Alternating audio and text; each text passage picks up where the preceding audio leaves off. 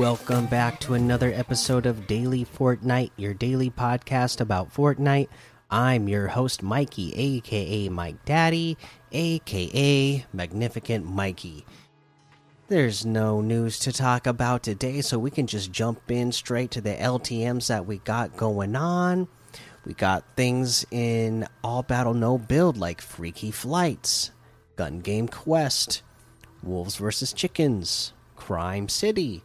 And then for some of epic picks, we got City Zombie Survival, 200 level default death run, fast parkour.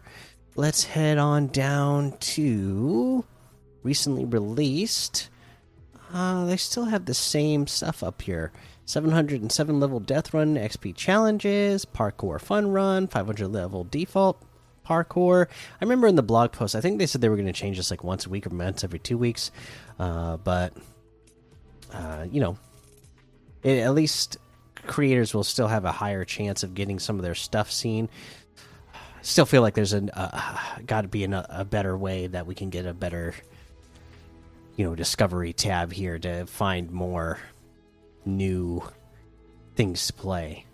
Uh, we also have the Zombie Island Gold Rush, Horde Night Zombie City, mm, Parkour City Tag, 50 Fashion Show, Prison Breakout, Spring sp Sprinting, uh, and a whole lot more to be discovered in the Discover tab. Let's look at these season quests. Week 4 deal damage to opponents with the harvesting tool 75 in total i don't even know why they have it in increments of five since it hits eh, you know in in 20s so i'm not sure why but okay uh for this again team rumble.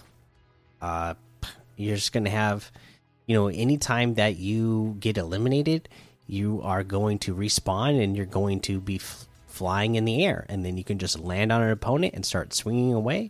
It's only going to take a few swings to get this challenge done so i would head over to team rumble for that. If you're going to do it in one of the core modes just land right on top of people every single match that you go until you get this done. Again it's only going to take a few swings so it shouldn't take you too many matches to get it done. Let's head on over to the item shop and see what we have in the item shop today Whoa, whoa, whoa. Let's see. We have the Coachella items still here. Our Easter inspired items still here. And happy Easter to everybody, by the way. You know, we said it in yesterday's recording. Today's actually Easter Day that I'm recording this. Uh, so happy Easter to anybody listening to this uh, on Easter Day as well. Uh, we have the Eco outfit with the Globy backbling for 1,500.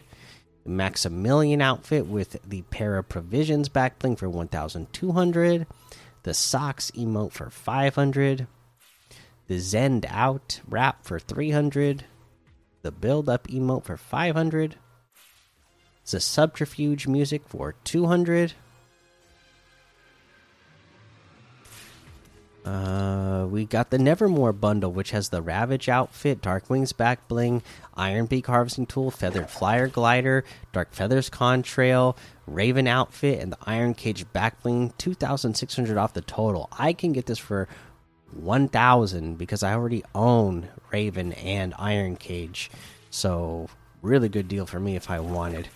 Uh, we also can get the Raven outfit with the Iron Cage back bling separately for 2000, the Ravage outfit with the Dark Wings back bling, and the Dark Feathers contrail for 2000, the Iron Beak harvesting tool for 800, Feathered Flyer glider for 800.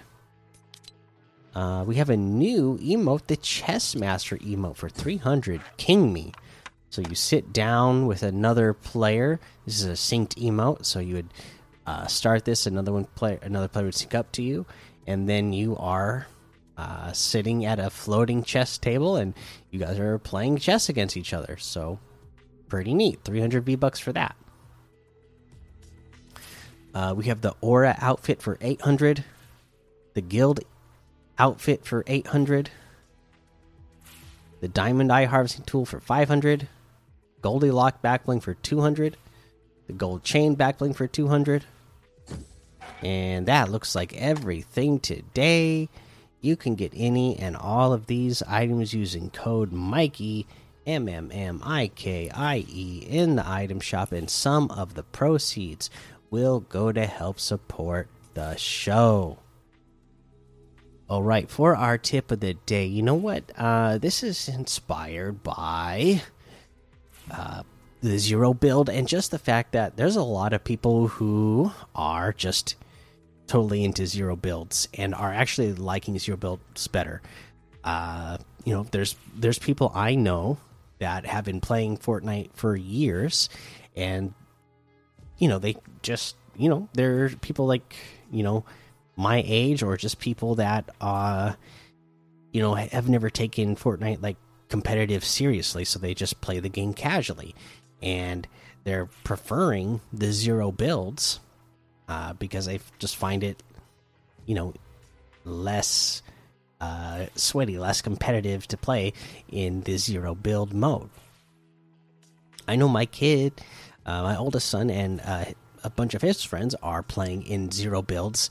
Uh, again, same thing because they're at the point where they're still really young, so they don't have the uh, the coordination and skill set yet to be on the level of the pro players. So uh, they're not that good yet. So they're preferring the zero builds because they feel like they have more of a chance of actually winning um, more matches. So uh, that being said, with zero build if you want to get better, what's the best thing you can do uh, to make sure that you uh, aren't dying? Uh, is you know, like they say, the best defense is a good offense, right? If you are, you know that that saying, if you uh, have the best aim, you know, in your lobby in the zero build lobby, then chances are you are going to do really well in your match because that that the the person with the best aim is going to uh, eliminate their opponents faster.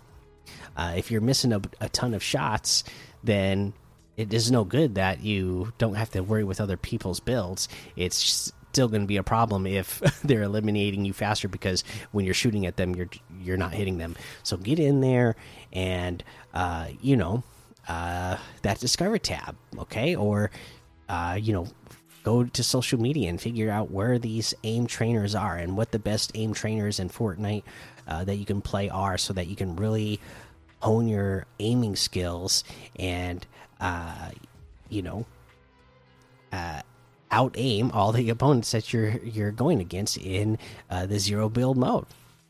All right, once again, happy Easter. That's going to be the episode. So make sure you go join the daily Fortnite Discord and hang out with us. Follow me over on Twitch, Twitter, and YouTube. Head over to Apple Podcasts, leave a five star rating and a written review for a shout out on the show. Make sure you subscribe so you don't miss an episode. And until next time, have fun, be safe, and don't get lost in the storm.